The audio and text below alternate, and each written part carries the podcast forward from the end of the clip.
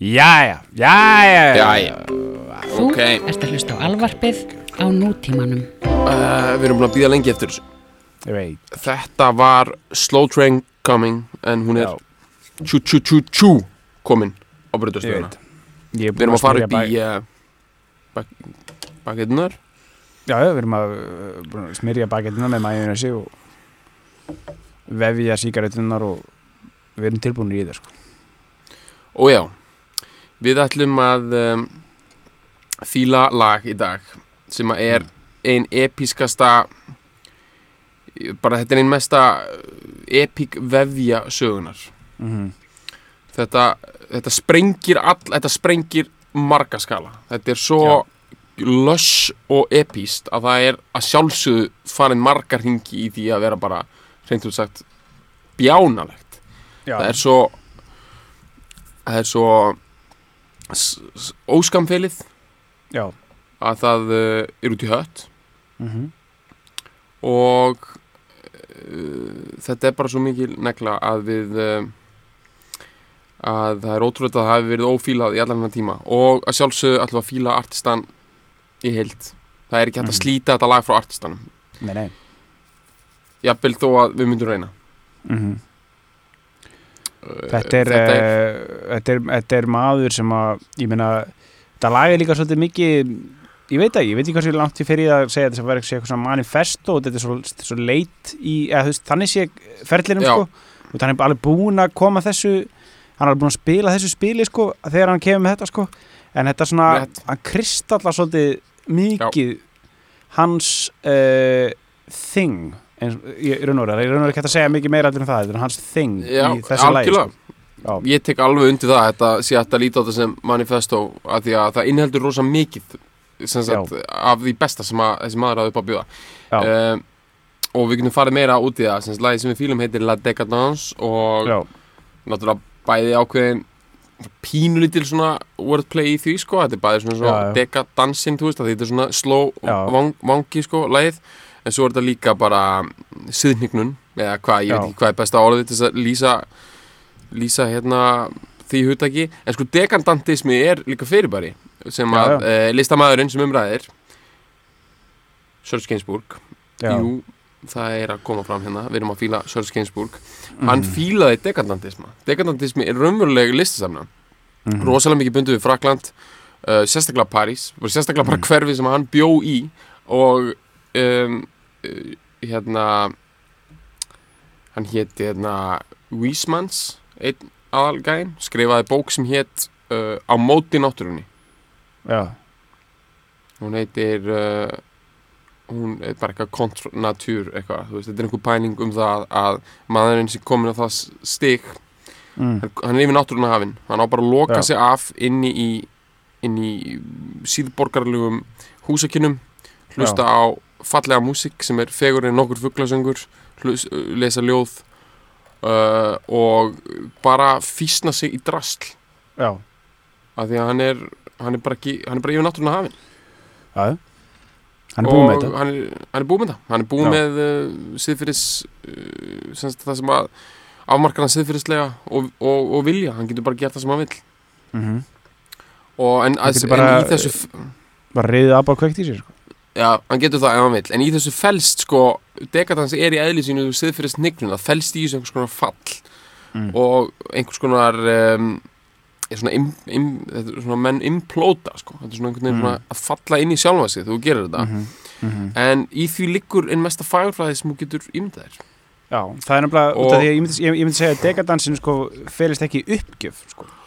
heldur þetta á Mhm. móti sko. þú, ert ekki, ekki að gefast upp fyrir uh, kröfum samfélagsins einhvern veginn og fjötrum samfélagsins heldur þetta á móti sko. þú ert að uh, leysa þig og, og, og já, leysa þig sem fjötrum og, og, og hefjast til flugs algjörlega, það er ekki uppgjöf en ég held að það sé sko sem sagt, fallið í þessu felst svolítið í því bara hva, hvert ætlar að fara? Hvert ætlar að taka þetta? Hvert ætlar að taka tilvistina? En þá er það gegnum listina þú átt að geta lifað í gegnum listina eða nautnir, eða bara pínlítið bæði. Og Sörge Gainsbourg var, eða þú veist, já hann var bara ótrúlega mikið fyrir þetta en hann var líka bara, svo, þú veist, þetta byrjar á svo dramatísku nótum þegar við erum að lýsu, hann var líka, þú veist smá húmoristi, sko, hann skildi hvað þetta er fáranlegt hans já. helsta hetja í, svona, sem, í, sem, sem listamæður var Salvador Dali Já, sem var hann var það mikil hetja Gainsbourgs að Gainsbourg eitt í rauninni tíu árum í það að vera myndlistamæður árun hann var tónlistamæður mm. og Salvador Dali er svolítið svona var svolítið, svolítið að taka hennan, hennan dekadantisma líka Mm. svona, hann fílaði hennan Wiesmanns og þess að gaura hann á 19. öld alveg rosalega mikið en hann var með það sama þetta er eitthvað svona touch of humor sem ég settur í það og Mm. í tilvætti Dalís er það bara listasefna sem er kallaði surrealismi en í hjá Gainsbourg þá kemur þetta fram á alls konar veist, þetta er hann er svo miklu meira en bara þessi brjálaðislega fagurfræðilega obsessed dramatíski náðingi, hann er líka bara fyndinn, ótrúlega mannlegur og hlýr og góður en ótrúlega skýra listrana sín að þessu leiti og hún kemur vel fram í þessu lagi Mhm. en ég meina, þú veist, við þurfum að tala bara um sko, sko að tala um Serge Gainsbourg í einhver svona fílalag pælingum Mhm. eða í einhverjum svona tónlistar hérna, svona umræðum pop tónlistar eða bara popkultúrs pælingum er ógst Mhm. basic sko, af því að hann er Mm. Hann er alveg rosalega mikið viðkjöndum sem, sem hérna frumkvöld Mhm. í mörgu, í músík Mhm. og bara hann er svona frumkvöld í indie, þú veist, ég var bara að skoða ég var að skoða playlista bara hjá Apple Music Forefathers of Indie þetta er eitthvað svona sem bara einhver, þú veist gaurar bara með PhD er að setja saman hann í San Francisco, sko, eitthvað svona pælingar þetta er svona mm. Mhm. vel eitt underground topp alltaf, alltaf svona lista, sko Já. þá er Gainsbourg rosalega ofalega og það er út af því að hérna það er því að hann var indie og hann var ekkert indie by choice svona eins og, þú veist, eins og að það hafi verið eitthvað cool hann var bara út frá þessari business pælingu og hvernig tónlist hvernig, hvernig hann skapaði tónlist úr hvaða átt hann kom þegar hann skapaði tónlist þá var hann ekki partur af hefðbundinni tónlistarútgáfi eins og hann var í gangi á 7., 8. og 9. áratögnum þegar hann var að gefa út músík út af því, bæði út af því hann var í Fraklandi og hann var bara ekkit hann var bara ekkit, og, og hann túraði ekki hann Nei. gaf ekki út lög og fór síðan í tónleikaferð og hérna, veist, hann, hann byrjaði að vísa túra aftur 77, þannig að hann gaf hann fyrir reggiblötuna sína en, en til dæmis þegar þetta lag kemur út og túrar hann ekki hann er hann var tónskáld og hann samti lög fyrst bara fyrir bara sönglög fyrir söngvara og, og, og söngkonur svo Já. var það hann kvikmyndatónskáld og og hann er meiri sér þegar þetta meiri sér þetta lag er gert fyrir bíómynd Já. og það gert fyrir mynd sem heitir, Sex Shop Já, og bara rosa mikið já, já, Já. Sjötem One on Blue er líka gert fyrir bíómynd það var gert sem sagt sko sem sagt það sem að hann er alltaf að gera skor fyrir bíómyndir og hann le leik oft í þeim líka svo Mm. er oft líka svona leftovers úr skorunum eitthvað svona flott stef eða eitthvað sem hann nota síðan í lög þó að lægið já, já. sjálft hafi ekki verið í endanlega útgáðu featureði myndinni Mm. og þannig er til dæmis strengja stefið þannig í, í Sjötem One on Blue þetta Já. ógeðslega löss svona cinematic dót það var notað einhverju Já. bíómynd svo tók hann upp læsirna og svo reyndi þess að flækja þetta þá leikstýrði hann sjálfur bíómynd sem heitir Sjötem One on Blue setna sem er líka að nota lægi en það er önnur saga en þetta var líka Decadence var líka gert fyrir bíómynd eða allavega svona stefið í því sko Mhm. ég veit ekki hvort að lægið nákvæmlega eins og við erum að fara að hlusta það var í bíómyndinni en hann var Mhm. kvikmyndatónskáld tók upp já, og bara samti músík fyrir bíómynd, bíómyndir og mjög mikið bara strengja útsendingar og svoleiðis. Og uh, sko um, þetta var nánast í byproduct til dæmis í þessu tilfelli. Að, að þú veist, hann gefi út bara sjötómum singla sem að, þú veist, hann var alls ekki verið að sinna því mikið. Þannig að Mhm. hann er indið að þessu leiti veist, er, og hann fekk að gera það sem hann vildi þú veist, af því að ég meina bara basic dot eins og lögin eru bara jafn löng og hann vill hafa þau og textarnir eru náttúrulega bara þú veist, þeir eru náttúrulega bara þú veist, þeir eru náttúrulega út í hött klúrir Já, já.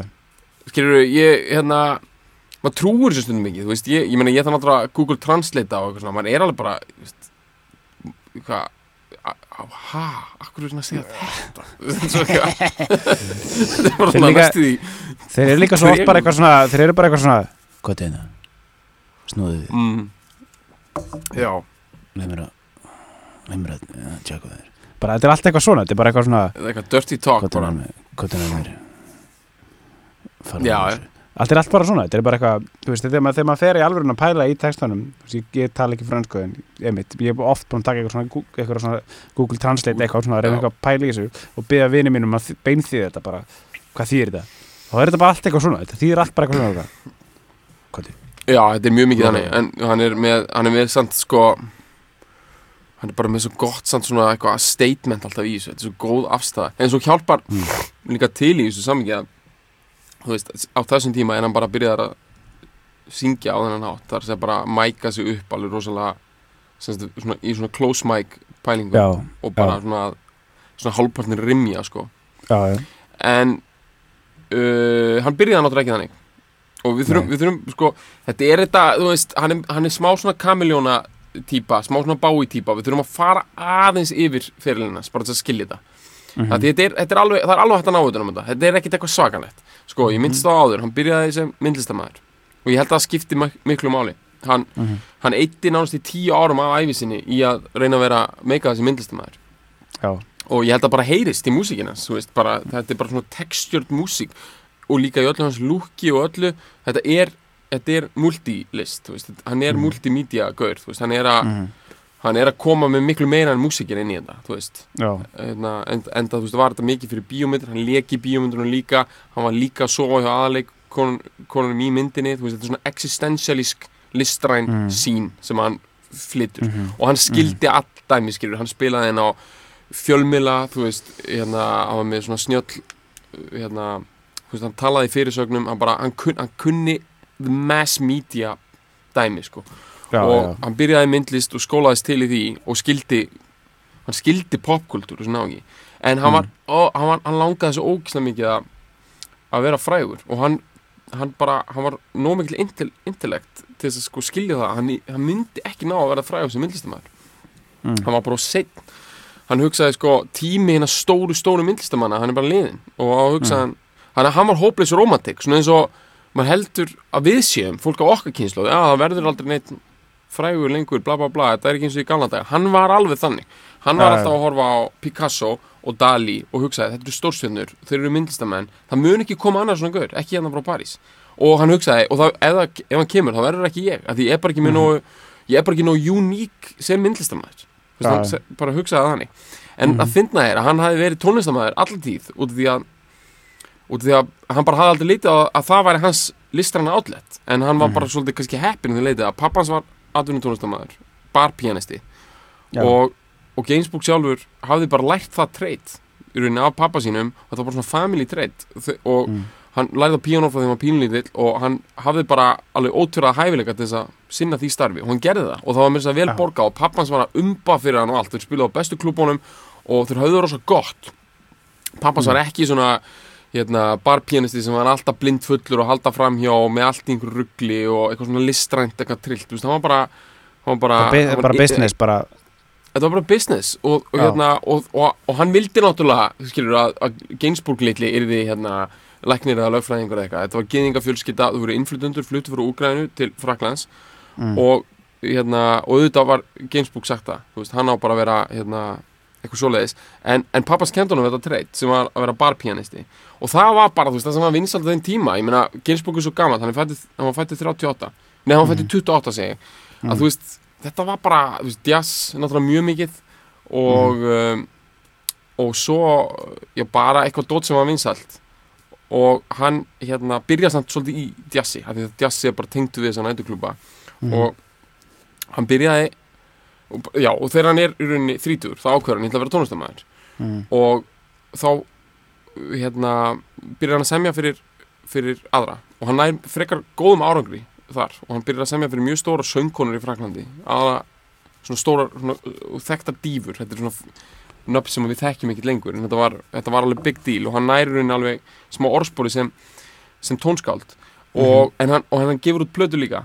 Og þar syngur hann hann er að syngja svona einhver jazzy númer eitthvað og, og lúkið hann, hann er með svona ákveði lúka á þessum tíma hann er alltaf í smoking, ógeðst svona stífpressaður og svona útrúlega svona einhvern veginn eh, eitthvað bara ekki búin að finna lúkið sitt. Nei, nei, nei. Og hann hérna hann slæðir ekki í gegn. Hann bara, hann gaf út fimm blötur og sumar þeirra í svona retrospekt eru merkilega sko, þú veist, platan Já. og þrjú eða fjögur er svona world music pælingar það sem hann er með eitthvað svona African beat og alls konar dót og það var ekkit, þú veist, það var engin tíðindi þá, það var engin að fatta, ó, þannig er þessi gaur kannski, kannski er hann frumlegu listamæður nei, það voru einhverjir svona left bank intellectualar að kveikja á því hann var að skrifa óksla fyndna og sniða texta. Mm. og hann skrifaði líka alltaf textana fyrir lögin sem hann samdi fyrir aðra. Mhm. og, og fyrsta kannski stóra dótið sem að vekur aðtikli á hann er það að hann vann Eurovision. Já, með er franskal já, Já, með fran, hérna, franskal sönga hérna, mjög ung sönguna og til þess að gera þetta ennþá eitthvað asnalega hann vann hann Eurovision fyrir Luxemburg mm. þó að bæði hann og, og hún séu frönsk.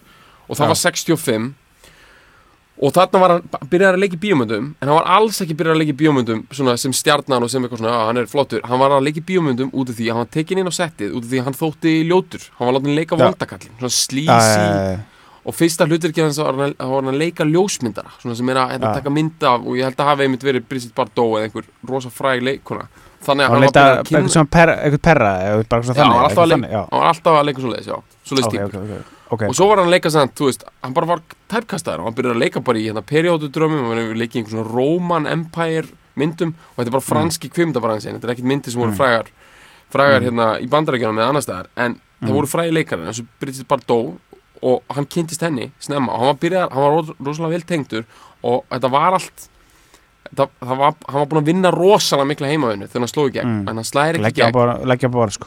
Já, og meina, og þannig er hann bara, þegar hann er að slá í gegn, sem er þá bara ekki fyrir 60, þú veist, því ég myndi ekki segja að Eurovision dæmi hafi verið að slá í gegn, sem, því, veist, það finnst enginn hvernig að leita út eftir það, sko, Mhm. hann var bara maðurinn á baku tjöldin, en það er einu, tveimur ánum setna, þá dettur þetta allt inn, hann leikur í mynd hann, hún hætti með manninu sínum, hann byrjar að sofa hjá henni og hann Mm. tekur upp plötu, hann hafði, teki, hann hafði samið fyrir hann áður og hún hafði sungið lögum eftir hann, en hann Mm. tók upp plötu með henni, þar sem hann er líka featureaður mm. og það er hann Initials BB Já, já, og, og þá slæri hann í gegn og þá vekur hann Já. aðtekli líka út fyrir Frakland af því að Bridget Bardot er svo ógisla fræk uh, og hérna og þá dettur þetta inn og þá dettur soundið hans inn líka þá bara byrjar þetta alltaf sense Þú veist, þá, Já. þá byrjar hann að rimja meira í mikrofónin þú veist Mhm. þannig að close mic'a og hérna og bara lukkið og allt og þú veist og þá hættir hann Er- að vera í já. smoking dæmi og Er þetta ekki þá þegar hann fer þá, líka fer hann yfir til London að taka upp, er það ekki? Mhm. Passar það ekki? Er þetta ekki sama tíma? Þegar hann fer, að- fer að taka upp Ná- með, með Herbie Flowers, hann að bassaleikaranum og því, fíliði, að- sko ég held að Initials BB sé fyrsta platan sem er tekinu upp í Já, hérna, með, í London. London. Já, með þessu session crew sem hann vinnur alveg með fram til bara eftir heistarindi með Nelson allan Já, basically a- allt þangað til sko, frá því að þetta þessu, fram að þessu, þá var hann alltaf tekið upp í Fraklandi og það var Mhm. bara allt einhvern veginn eins og það soundar alltaf ógæslega franskt þegar maður hlustar á þetta Já, og þetta einhvern veginn næri ekki í gegn. Nei, og svo fór hann svo, en hann var, hann, dýr, veist, hann, hann langaði svo að vera partur á þessu dæmi sem hann er í gangi í London veist, hann Já, langaði swinging að vinna með 60, sko. Swinging 60s dæmi og bara, og þetta hafði byrjað fyrr, þú veist, þegar bítla æði kom, þú veist, þá leiði hann bara geðið illa, þá var hann bara Já, já. 32 ára gammalt gaur að gefa út jazzplötur og hann langaði svo ógeðslega mikið til þess að vera með Já. mokk-topp og bara gera allt vittlust Já, og veist, og hann var að gera þess að je-je músík og hann láta hann að láta þetta er svo fyndið, þetta heitir je-je músík je-je Þetta er svo gott og þetta eru neglur sem hann er að semja. Hann er að semja og þetta er geðvett, þetta er svona sem Tarantino er að nota í, í bíómyndunum sínum. Þetta er í rauninni trilltara heldur en hefðbundið hérna, uh, rock'n'roll þú veist, frá Englandi Já. og bandaríkjunum. Og hann langaði svo ógeðslega að vera bara, þú veist, one of the Fab Four. Mm.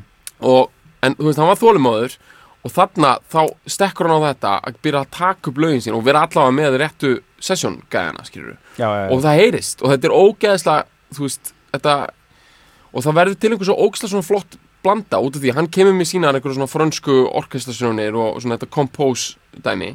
Setur Mhm. það inn í bara einhver svona, einhver svona frekar grooving eitthvað 60s uh, swing band. 60s Það, myndi- ég, myndi, segja sko aðalatriðið í þessu soundi er, er bassaleikarin sko, Herbie Flower sko mhm, það er bara það er, það er bara svona signature sound á þessum tíma. Er, er þetta svona það er svona ógæslega mikið punch í bassalnum sko. En samt óslega þund og toppi veist, mjög mikill toppur í soundinu. Kemur einhvern svona þannig að getur bara ba, ba, ofan á bara stíl bassalegarans bara Her- Herbie og sko einhvern veginn soundið passar þetta einhvern veginn svo ógeðslega vel. Hann, getur, hann gefur svo ógeðslega mikið pláss sko. Þetta er geðið, ég meina bassa drullan það sem heyrist í byrjun á 7.10 já, já. Er sko- þetta er bara, þú veist, þetta er bara frægast að bassa þetta er bara frægast að bara, bassa bara, maður bara fær, já, maður fær bara blóð í hann bara á nú, nóinu sko. bara Já, ég get ekki ímyndað mér að þetta, þetta, er bara, þetta er bara bass guitars finest moment já, já. Þú veist, ég, ég, ég, bara, það sem ég er að segja er sko Ég held að bassi hafi aldrei verið jafn mikið center stage Nei, Makka getur fokkað sér sko. Makka getur fokað sér, hérna Queen meðan Another One Bites the Dust getur fokað Já, sér. getur fokkin skeitt sér bara Er þetta á Chili Peppers getur fokað sér sko. Já, já. Það er eitthvað að við hann að bassa og hvernig hann einhvern veginn er, er einmitt svona einhvern veginn hann er, hann er eins og eitthvað svona liquid hann er eins og lavalampi svona eitthvað Austin Powers lavalampi. Og hann er rosalega groovy. Og, og það er sama sound síðan á lægin sem við fýlum í dag La Decadence, það, svo, það sem ég fýla líka það, var komin upp, komin upp smá svona factory feelingur hjá honum þú veist eins og, eins og bara hjá Motown og einhverju svona, þú veist það er bara sama setupið, þú veist það er sama uppskrift. Mhm. í La, La Decadence, þetta er nákvæmlega það er að vísu bassin er ekki alveg hár, þetta er svona mixaðans öðruvísi, en þetta er bara sama dæmi, þetta er svona ógeðslega löss orkestrasjónir Mhm. svona ógeðslega svona sigur sætar, það er einhvern veginn, þeir eru að krýpa inn þetta er eins og þessi verið að hella bara yfir þig hella yfir þig, sko, svona flórsikri, bara yfir bakið á þér.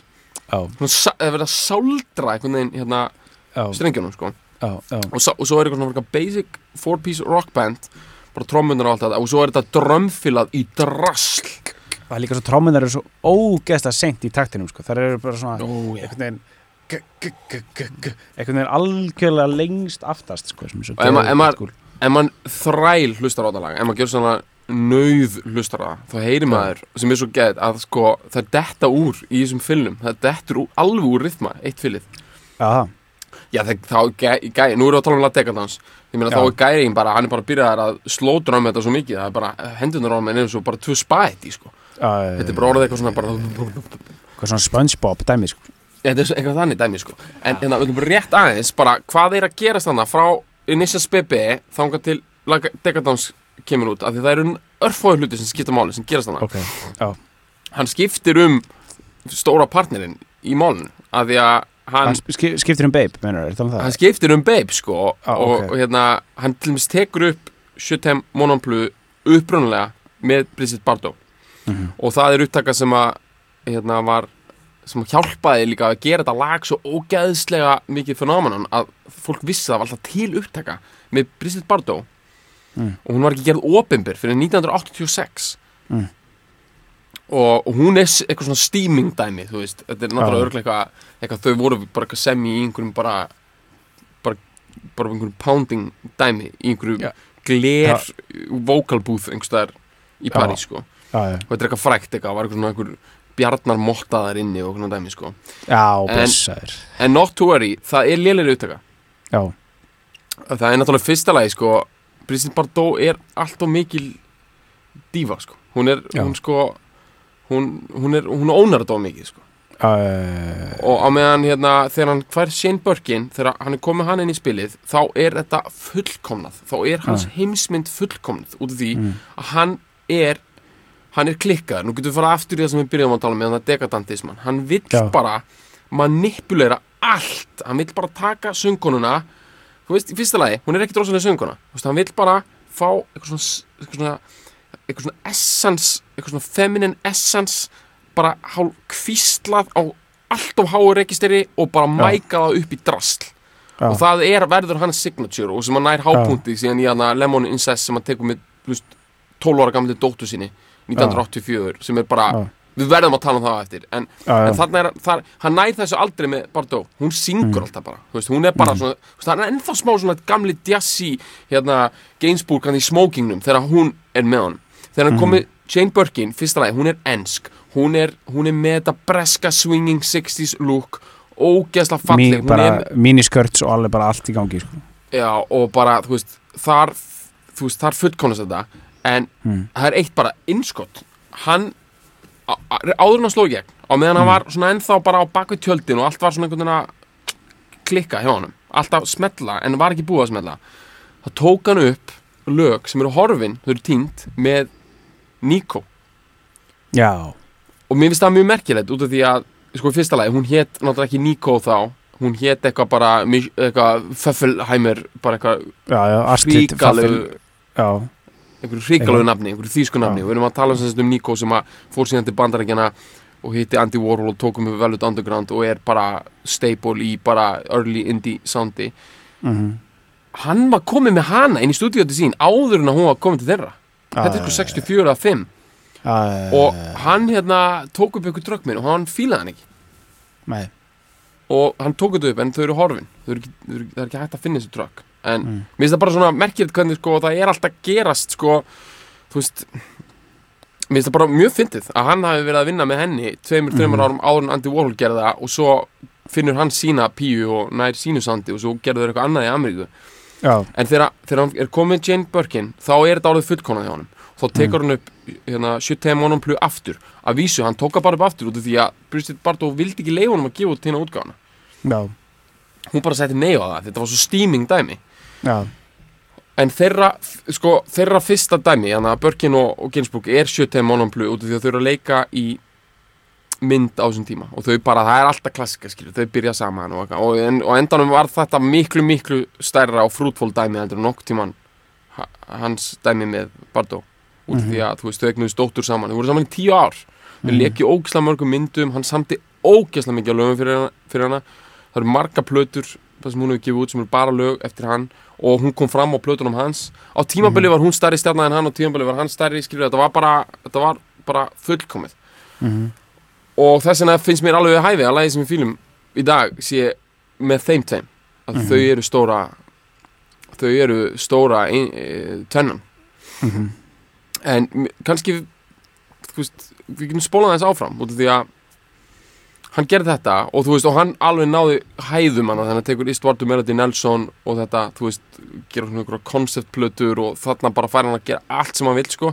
En á þessum tíma, þá er hann mjög indie eins og ég voru að segja, það er að segja að þetta er ekki það er ekki verið að supporta þetta með einum túrum. Þetta er ekki, þetta er ekkert að vekina en að heimstæðegli heldur, þetta eru plötur sem seldust ekki nýstu mikið í Fraklandi mhm, og hérna, hann var bara novelty, gaur. Út af því að 70 Monon Plus sem er risa, risa smellur ógislega stórt í Englandi sérstaklega og svo líka í bandarengjunum mhm, þetta var bara eins og eitthvað svona þetta lög úr X-Factor verða vinsæl eða eitthvað svona bullshit lög úr einhverju auglýsingu í sjónvarpinu eða eitthvað.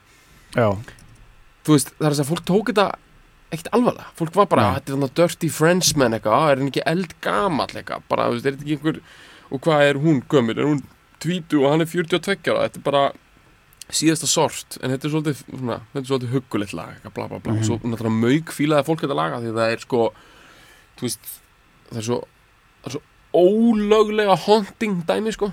Mhm, og La Decadence er eins þú veist, þetta er bara en þú veist, fólk gati ekki fengið nóga þessu og það er ógslag fyndið að sjá að það er til hérna það eru til svona music útgáður af þessu. Að þetta er svo ógislega góð, góðar lagasmíðar.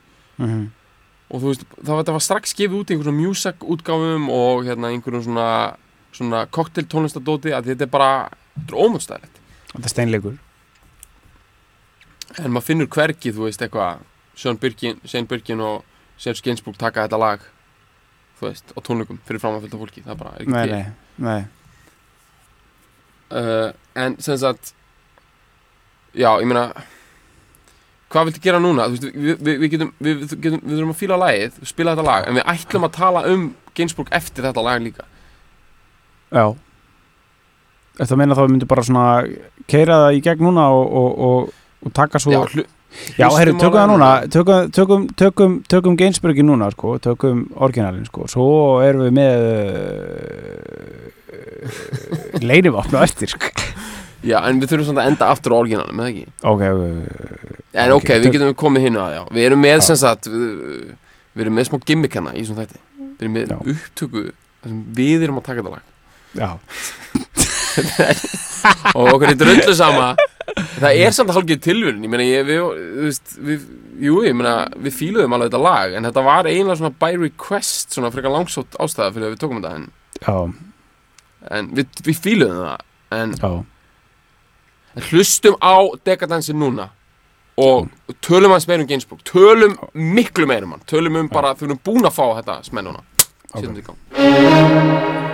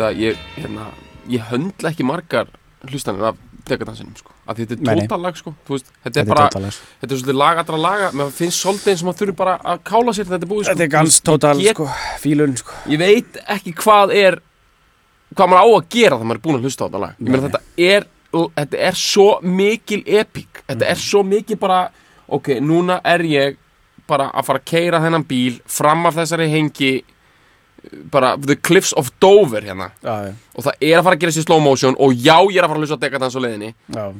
Og bara I better not wake off from it. Sko, tókst eftir, veistu þetta lag þetta er bara það sem að ég þú veist, þetta er bara svo mikið test sko, þetta er svo mikið statement. Já, tekur eftir, það eru tvei dítilar í þessu sem ég dýrka. Mm. það byrjaði að syngja strax mm og það er fade out Já. þannig vil ég bara hafa öll lög. Þú veit alltaf að, já, ég veit ég hata þannig að þegar það er einn hljómagangur af bara einhver svona Einhver bara vampi.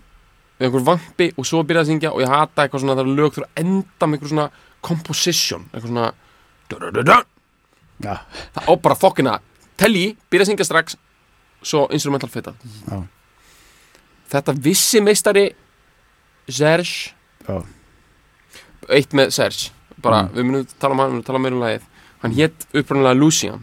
Mm, Gainsbourg, skrifað öðruvísi, Ginsburg mm, skrifað einhvern veginn þannig. Og það er út frá fransnafn, þetta Lucian. Mm, hann vildi breyta því í Serge hann vildi hljóma austur-euróskur hann vildi vera estranger, þú veist, hann vildi vera útlenskur. Já, og því hann var frá Úgrænu eða fórðan hans eru innflytjendur frá Úgrænu og hérna og það er líka eitt sem að mér finnst skipta máli að því að ég, ég þekki franska kúltúr smá. Það er ógeðslega létt það er rosalega svona cheap í rauninni að segja, já, Serge Gainsbourg er bara svona quintessential frakki. Maður skilur þetta allt, þú veist, ef maður skilur frakka og bla bla bla. Þetta er dýbra en það, þetta er flóknara. Út af því að Gainsbourg er ekki quintessential frakki. Hann er ógeðslega furðulegur sem frakki.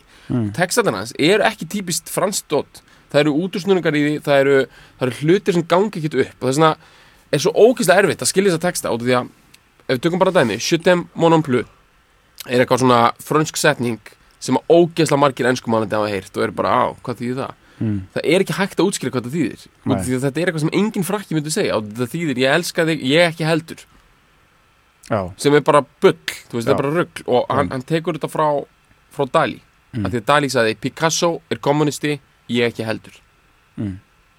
að þetta er bara svona bara sprengir upp tungumálið og þannig Já. er ógeðslega mikið í þannig pælingum já, eitthvað svona að reyna að sprengja upp tungumálið segja eitthvað svona sem gengur ekki upp og kannski er það eitthvað típist franskt, ég veit ekki en ég veit bara að, að það er ekkit þú veist, líkillin að Gainsbourg er ekkit að, þú veist, lesa Victor Hugo eða eitthvað, þú veist, þetta er bara dýbra en það. Og hann er, hann er að spila á sko, inter, sko, hann er að spila á á þú veist, popular culture eins og það er var á 2000-öld, hvernig það tilir ekki einhvernum einum heimi, þú veist, hvernig þetta er verið að bánsa á milli og henda hugmyndum á milli. Þú veist, eins og hann er að gera Bonnie and Clyde, hana, með Brigitte Bardot í einhver svona kúrika þema. Þá er hann í einhver svona silly, svona indiana og cowboys western þema, með einhver svona Smith and Wesson, Smith and Wesson. Byssur, eitthvað svona, og kúrikahatta og eitthvað, og það er eitthvað svona sem honum finnst ógæslega fyndið play, sko. Já, já, svo gera hann einhvern svona hana, rock around the bunker sem er eitthvað svona, svona early 50s rock around the clock joke um nazisma, það sem eitthvað Joseph Goebbels er eitthvað hlaupað um the bunker. Mm. Þú veist, hann er einhver svona, þú veist, þetta er bara, þetta er bara svona postmodernist bullshit, skilur já, já, já, já. og hérna, og hann tilir ekkit bara franskri menningu, hann tilir bara sömu fókn fáránlega eh, flóknu og skrýtnu menningu bara eins og internetkynslaðin gerir. Bara, þetta er bara eitthvað copy-paste hérna og þaðan bara einhverju fókn ruggli Mm. og, og það sést líka í sko bara genres, bara stílum sem hann notar. Þetta svo fer hann hérna, sem sagt það má vel vera hann hafi byrjað einhvern franskri sönglaga hefð og eitthvað, en svo tekur hann þú veist, amerískan jazz og hann tekur hérna, hann tekur yeah yeah þú Mhm. veist, hérna, Brest, British Invasion dot og þetta blandar þessu öllu saman. Og einhvern veginn tekst þessu manni að vera bæði Bob Dylan Fraklands, Frank Sinatra Fraklands Mm. John Lennon Fraklands og þetta meikar ekkert sens því að þessi menn e- eiga ekkert sameinlegt þú veist, í, þú tekur það bara í sínum kultúrarreferens Emitt, emitt og hann er þetta allt. Og þú veist, það er bara ógeðslega stórt dæmi sem hann var að vinna með. Hann er bara að vinna með ógeðslega svona þversagnakenda típu. Og svo er annað sem ég finnst bara alltaf að tala um að hann er, hann hefur þetta orð á sér, þú veist, internationally eins og hann sé bara playboy. Og hann sé bara, þú veist, svona dirty old man, playboy þetta sé, þú veist, sem fólk tengi líka við eitthvað svona eitthvað fransdæmi, já, hann er bara einhver svona womanizing adulter í franskur graðnagli þetta, þetta er miklu flóknar en það. Mm. Sörsk Gainsbourg, hann er að spila inn á sama og Bowie er að spila inn á. Hann er að spila inn á okkur svona kynleisis svona alveg dæmi. Mm. sko bæði fór hann alveg full transvestine, hann er 84 þannig að hann gefur út Love on the Beat þú veist, þá er hann bara klæðið sér hann upp. Hann er ógislega mikið að dara við hann hann er líka eins mikið og þú veist maður er þetta útmála hann sem einhverju kattrembu og það er náttúrulega feminin. Þetta er ótrúlega svona, þú veist, feminin gaur. Þú sér það bara í viðtölum, hvernig hann klæðið sig og líka bara hans afstafa gagvart einhver svona típisku karlmennsku dóti er svo ógslag fyndin. Eins og Sörsk Gainsbourg við hafa eftir sér einu sinni að besti tími lífsans hafi verið þannig að hann var kvattur í herin Mm. út af því, hann, hann var kvattur í herin, hann var tvítur eins og allir frakkar. Og hún fannst það snilt hann sagði að hann var bara að djóka allan daginn lesa klámblöð, spila á gítar fyrst og næst bara að segja brandara og bara einhverju mail universe snilt Mm. hann dyrkaði það Mm. þannig að þetta finnst mér svo ógslag gott dæmi því að hann er í rauninni að taka svona eitthvað mestar svona hugurekkis karlmennsku hugmynd bara sem til er sem er þú veist hernaðarhyggja og fara í her og berast fyrir föðurlandið og hann er einhvern veginn að dissa from within Mm. Þú veist, hann er ekki að segja eitthvað "Ó, bara, þú veist, þessu eitthvað svona flower power lið eitthvað, bara herin er glataður, bara, þú veist, þetta er eitthvað macho, patriarka, bullshit. Þú veist, hann er einmitt að segja, þetta er snilt. Þetta er bara gæjar að hlæja og segja brandara allan daginn. Hann er að, veist, hann er að rústand the system from within. Hann er að segja nákvæmlega hvað það er og hann er að dyrka það. Og þannig að hann er alltaf að rústa og dissa upp á við. Þú veist, hann er alltaf sem er svo ógeðslega skemmtilega af, afstæða finnst mér til þess að varpa ljósi á hluti bara almennt í lífinu að þú veist, í staðan fyrir að vera alltaf að tala um að þetta hafa hitt sér glata, þú veist, hvað með að bara cherrisa hluti stundum og segja að þeir eru frábærir og þú dyrkar þá en á þannhátt benda á að þeir eru kannski ekki réttir fyrir samfélagi mm.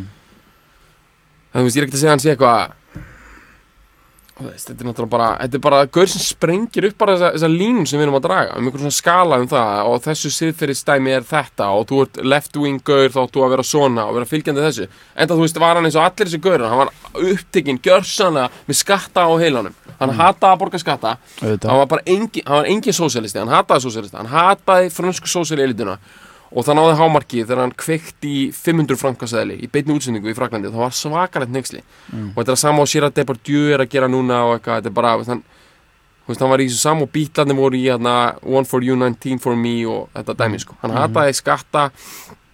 Hann sprengir upp alla þessa kvarða sem við höfum. Og þetta er langt umfram það að vera bara eitthvað franskt sem við þurfum eitthvað að skilja.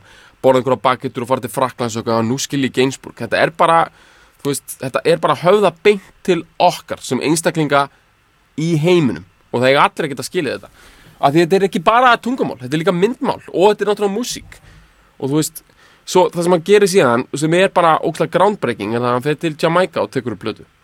Já, og hún sló í gegn í Fraklandi og það er hann eitthvað að dissa franska þjóðsöngin og það var eitthvað alveg allt vitlis út af því. En þetta var bara stórmerkilegt, það hafði engin vestrætt gaur farið til Jamaica og tekið blödu mm. nema Mick Jagger hafði tekið upp eitthvað eitt lag hann var bara skömmu áður. En hann kemur bara með reggae til Fraklands og introducer og það bara er rauninni þú veist, ég reggae er bara einn stærsta tónlistefna í Fraklandi hefur verið síðan. Og hlutvarslegar og miklu stærri í Fraklandi heldur en í bandaríkjunum eða Breitlandi Mm. og að því hún einhvern veginn passar ókslega mikið við eitthvað franskt franska músík hefð á einhvern hátt. Passar þetta. Svo tók hann upp aðra reggae blödu og svo bara enough of this. Hann fór til bandaríkjana og tók upp tvær síðustu blödunar þar í einhverju mega bara funk grinding stöffi einhvers staðar í Mm. New York.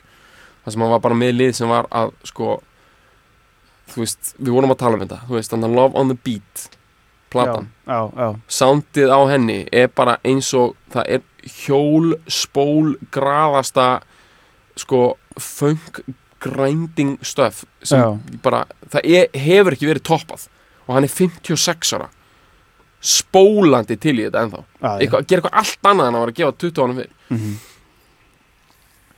þetta er bara, veist þetta er bara veist, þetta er bara fjallið eina þessi maður, ég meina Mhm. þetta er bara svakalegur þú veist, og þetta er bara beyond music Mhm. og sko, eitt annað sem við vorum að tala um með lúkið og myndlistar partin af þessu og og hann líka, hann var svo ógeðslega meðvitaður um það að hann væri með þessa kvennabósa ímynd. Hann vissi það svo ógeðslega vel. Hann vissi svo ógeðslega mikið að það væri það sem að fólk var að kveikja á já. og að fólk dyrkaði að hann að því að hann var svona traditionally og hafði verið komið fyrst inn í sjónasæði sem ljótugurinn. Hann vissi að það er þessi stóra zero to hero saga sem allir fíla.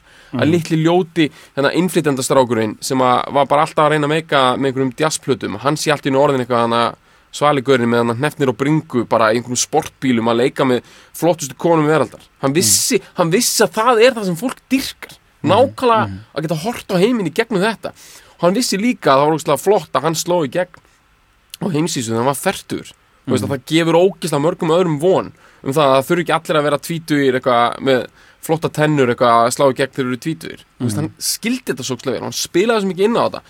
Og hann er að þessu leiti svona alþýðu heitja, þú veist, hann bara og hann er það líka bara í Fraklandi þegar það fyrirgefa honum allt í Fraklandi allt sem hann hefur gert. Og meina, líklega mun heimurinn aldrei kannski kveikja það en ég meina músíkheimurinn hefur algjörlega já. Veist, hann hefur fullkonlega á ógislega háum stallið þar. En svona í sem stærri ímyndin þá heldur fólk ennþá að þetta sé eitthvað dirty old man grín sko. Sem þetta er ekki, þetta er bara ógislega stórt artistic statement og vision. Og hann vissi meira og minna alltaf hvað hann var að gera en hins vegar var hann orðin fyllibetta undir lokin og hann bara hann, hann tærðist, hann tærðist upp. Hann bara átti og hann let alltaf fylgjast með því út, hann var alltaf í sjónvarsviðtölum og hann bara tærðist upp og bara dó 62 ára á hjartaslæði sem er mjög fyndið út af því að hann átti tvíburasistur og hún er ennþá á lífi. Já, sem er bara ógæslega fyndin pæling. Já. að því að hann dó fyrir sko 24 mánu síðan. Gjör svo hakkaður Já. Hann rústaði sér. Hann rústaði sér. Já, hann rústaði sér sko hann rústaði sér algjörlega sko. Hann var bara komin hann var komin bara í reyna þvælu sko. Mm -hmm. maður er sko einhver viðtölu við hann. Þetta er bara unaðar á að horfa. Hann er bara tærður, hann tærður upp. Þú veist hann er bara búin að breytast í einhvers konar dekadent artistic hugmynd. Bara hann er bara búin að breytast í sentiment. Mhm. en ég meina, wow, þú veist. Ég veit ekki, við erum búin að tæma mikið hann við erum búin að fara við mikið Við sko. vera ég ætla bara að skjóta inn í. Já, ég bara skjóta inn í lúkið hans lúkið hans Hann er það sem hérna- ég, ég myndi segja hann væri sko, súmeraða upp í lú- lúkið hans í að hann væri óaðfinnanlega tösulegur sko. þetta er bara, na, sko, þetta er, þú ert að segja þetta alveg rétt út af því að þetta er keywordið hann er, þetta er óaþannalegt Mhm. út af því að hann var snirtipinni hann hataði að vera skítuður hann hataði að vera með skeggbróta Mm. og hann var alltaf clean shaven. Svo bara, þú veist, voru þessar pýjur á bendunum á, er, þú ert bara flottur hérna, þú ert með þingulúkið þingulúkið er málið. Uh, og hann var bara með algjörlega útpælda rútínu hvernig hann hjælt hann að þryggjadaga skeggbrótum bara með einhverjum svona, hann rakaði þessu á hvernig degi bara hjælt þeim alltaf réttum sko mm og, hérna, og hárið bara alltaf tussulegt bara algjörlega móldað algjörlega útpælt bara hvernig hann skýrt á hann hneft niður hvernig, Mhm. og þú veist hvernig hann var alltaf með síkartuna hálbrunna en alveg klára Já, sí- Ítla G-Sand, vafinn sigaretta hérna. einhvern veginn Ítla vafinn sigaretta í munnvikinu og þetta er bara dúndur, ég meina þú Google image searchar Serge Gainsbourg, ég meina þá er á að koma 20 myndir upp, hann með síkartu og bara dúndrandi reik yfir andlutinu í 17 af þeim. Já, þú veist, og þetta er fyrir tíma Google Image Search og einhverju ráðgjafa fyrirtækja þetta er bara hreint og klárt artistic, þú veist, bara bara Gaurin vissi svo nákvæmlega hvernig hann vildi lúka og hvernig hann vildi koma fram og hvernig hann vildi presentera sig. Og auðvitað var þetta geðbilun ef maður við- sko, það var hugmyndum það að breyta húsinu hans í sapn Charlotte Gainsbourg, dóttir hans, á húsið. Hún keipti það út frá sískinu sínum. Og það, ekki, hérna, það hefur ekki fengist heimild fyrir því að breyta það í sapn en það, það hefur engur verið breyttar inni. Og þetta er bara geðbilun. Það er allt mála svartan inni. Það er bara einhver artifacts inni. Þetta er bara svona dekadantismi þú veist það er bara einhverjar svona einhverjar, einhver persnesteppi, einhver listaverk og einhver drass sem hann sankaði að sér. Það er allt mála svart og það er bara einhverju öskubakkar út um allt og bara, þú veist, einhverju sísand hérna, fyllist þessar síkartur bara ennþá hálbrunnar frá því hann draf síðast í hérna í mars 1991 bara nokkrum dögum fyrir hjartaslæðið. Mhm. það er bara, skilur hérna þú veist hann bara, hann, á endanum þegar hérna, Börkin var farin frá honum þá var hann komin með einhvern gay butler sem sá um hann. Það var bara einhver gaur sko, þú veist sem bara passaði að hann fengi að borða og bara einhver gay butler, annars bjóð hann bara í einhverju húsi, þú veist, bara í miðborg Parísar og bara gekk um og reykti og var fullur og bara var dekadent. Mhm. þú veist, hann var bara að breytast í það sem hann ætlaði að yrkjum. Þannig að hann var bara orðin að einhverju bara ghost figure. Þetta var bara orðið eitthvað djók en hann átti, hann átti samt konu þannig undir lokin, bara þau byggu ekki saman sko, hún heiti Bamboo. Mm.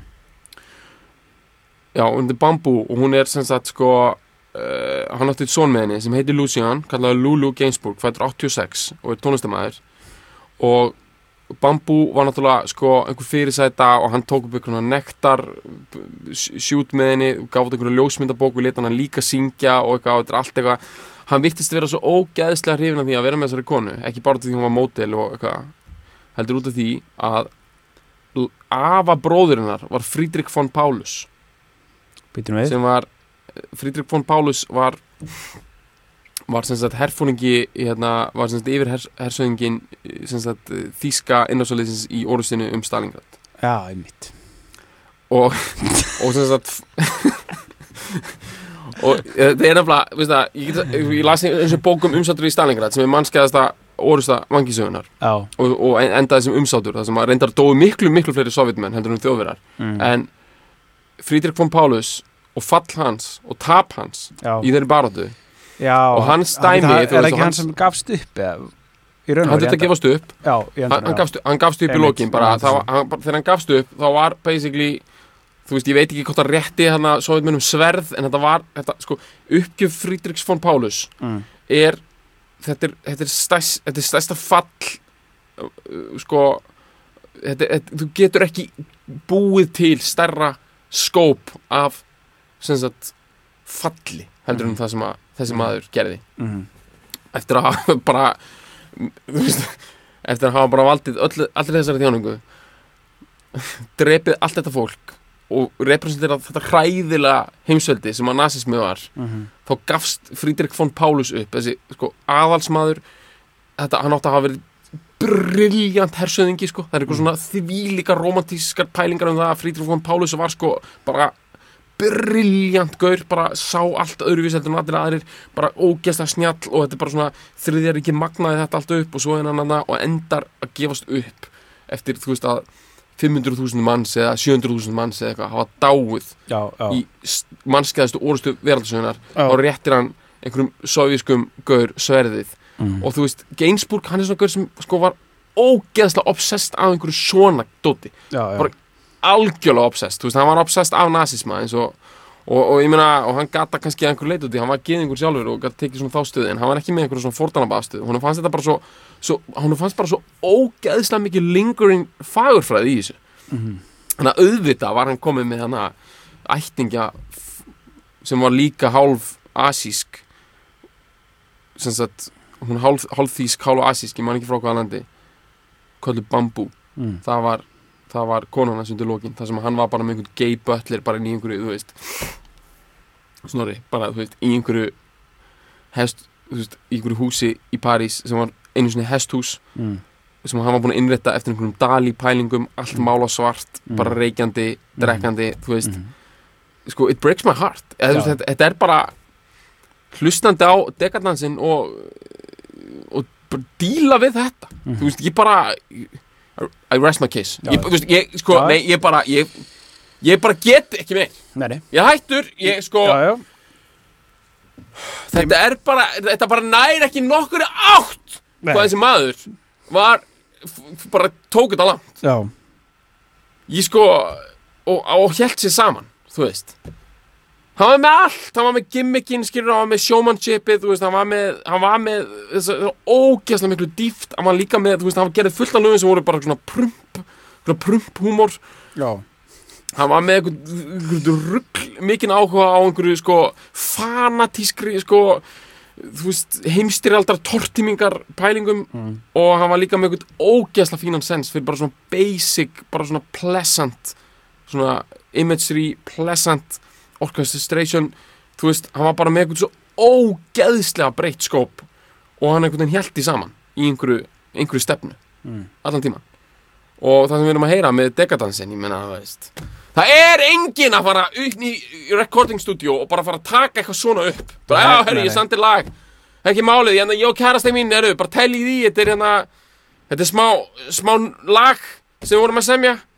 Bara, bara smá númer. Við ætlum bara að dundra þessu í gang. Þú veist, það er fokkin mikið á bakvið þetta dæmi sem við erum að hlusta, Aha, það er sem já. ég er að segja. Það er, fokkin, sko þetta er harmur heimsvelda bara á- Já! Bara suck on it! Ég bara sko Þetta er bara Ég get þetta ekki maður. Þetta er svo ógeðsla Ógeðsla epist dæmi maður. Já, ég veit. Þú veist Mér finnst þegar Birkin byrjar að syngja Þegar, þegar strengið er komin fyrst og hún byrjar að syngja og hún end, endir á lælinni Mér finnst það að vera svo ógeðslega eitthvað svo Það er svo mikið svona einhver Það má vel við að eiga að vera eitthvað svona sexual dæmi Ég upplega ekki þannig. Mér finnst þetta að vera eitthvað svona bara Mér líður eins og ég sé þryggjára og ég veikur undir sæng Mm. og það er bara svona eitthvað, eitthvað svona, eitthvað svona yfirvofandi bara svona, það er einhver yfirvonandi bara sagt, uh, bara allur heimurinn bara vofir yfir mér Mhm. og ég er bara einhvern veginn að hjúfra mig og reyna að finna eitthvað peace of mind Já, það er bara, ég fæ bara eitthvað ég fæ bara eitthvað svona þetta er eitthvað svona huggandi bara huggandi serenaða sem að Mm. þetta lag er Mhm. um það að bara, jú you will prevail Já, þú veist, þú munt komast í gegnum þetta Mhm. Þú bara stígur þinn degadans og einhvern veginn tóri, sko. Maður finnur fyrir smæð, sko. Ég finn fyrir smæð því ég hlusta á þetta, sko. já, já, Þú veist, maður finnur fyrir, þetta minnir mig á þegar maður liggur skilur ef maður er þú veist, 9, 10, 11 ára farin að finna fyrir bara er farin að pæla í döðleikanum og bara fara, þú veist, eitthvað svoleið sko, veistu hvað ég meina, svona farin að hugsa um liggur kannski andvaka farin að hugsa um bara mamma og pappi munu deyja. Eitthvað svona Já. sko. Það er það, ég Þetta er fer með mig þanga sko. Já, þetta gerir það líka um mig. Ég held Já. að ég hafi verið að segja of, eh, ganga oflangt Ég var að tala um þryggjára Þetta er meira svona, einmitt, svona 10-11 ára Eitthvað að pæla í dauðanum. Þetta er eitthvað svona alveg Þetta er eitthvað svona 10 ára barn Bara uh, fucking trying to wrap its head Bara já, around veist, þetta þetta er bara, of, það er fólk, þetta er bara menn að svara allt á stóru spurningum sko.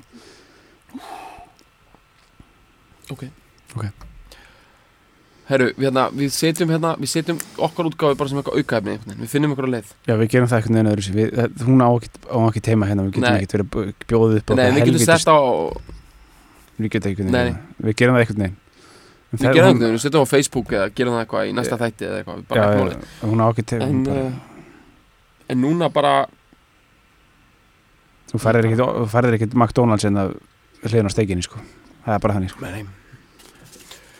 Ég ætla ekki, ég ætla ekki að borða í viku Nei. til heiðurs þessa lags. Nei. Hunguverkvall, Hungur- starting now. Já. Ég mun ekki borða, ég er ekki verður, ég ætla að tærast Mm. til þess að, ég ætla að tærast upp til þess að, til þess að sína þessu lagi bara snefila virðingu. Takk fyrir.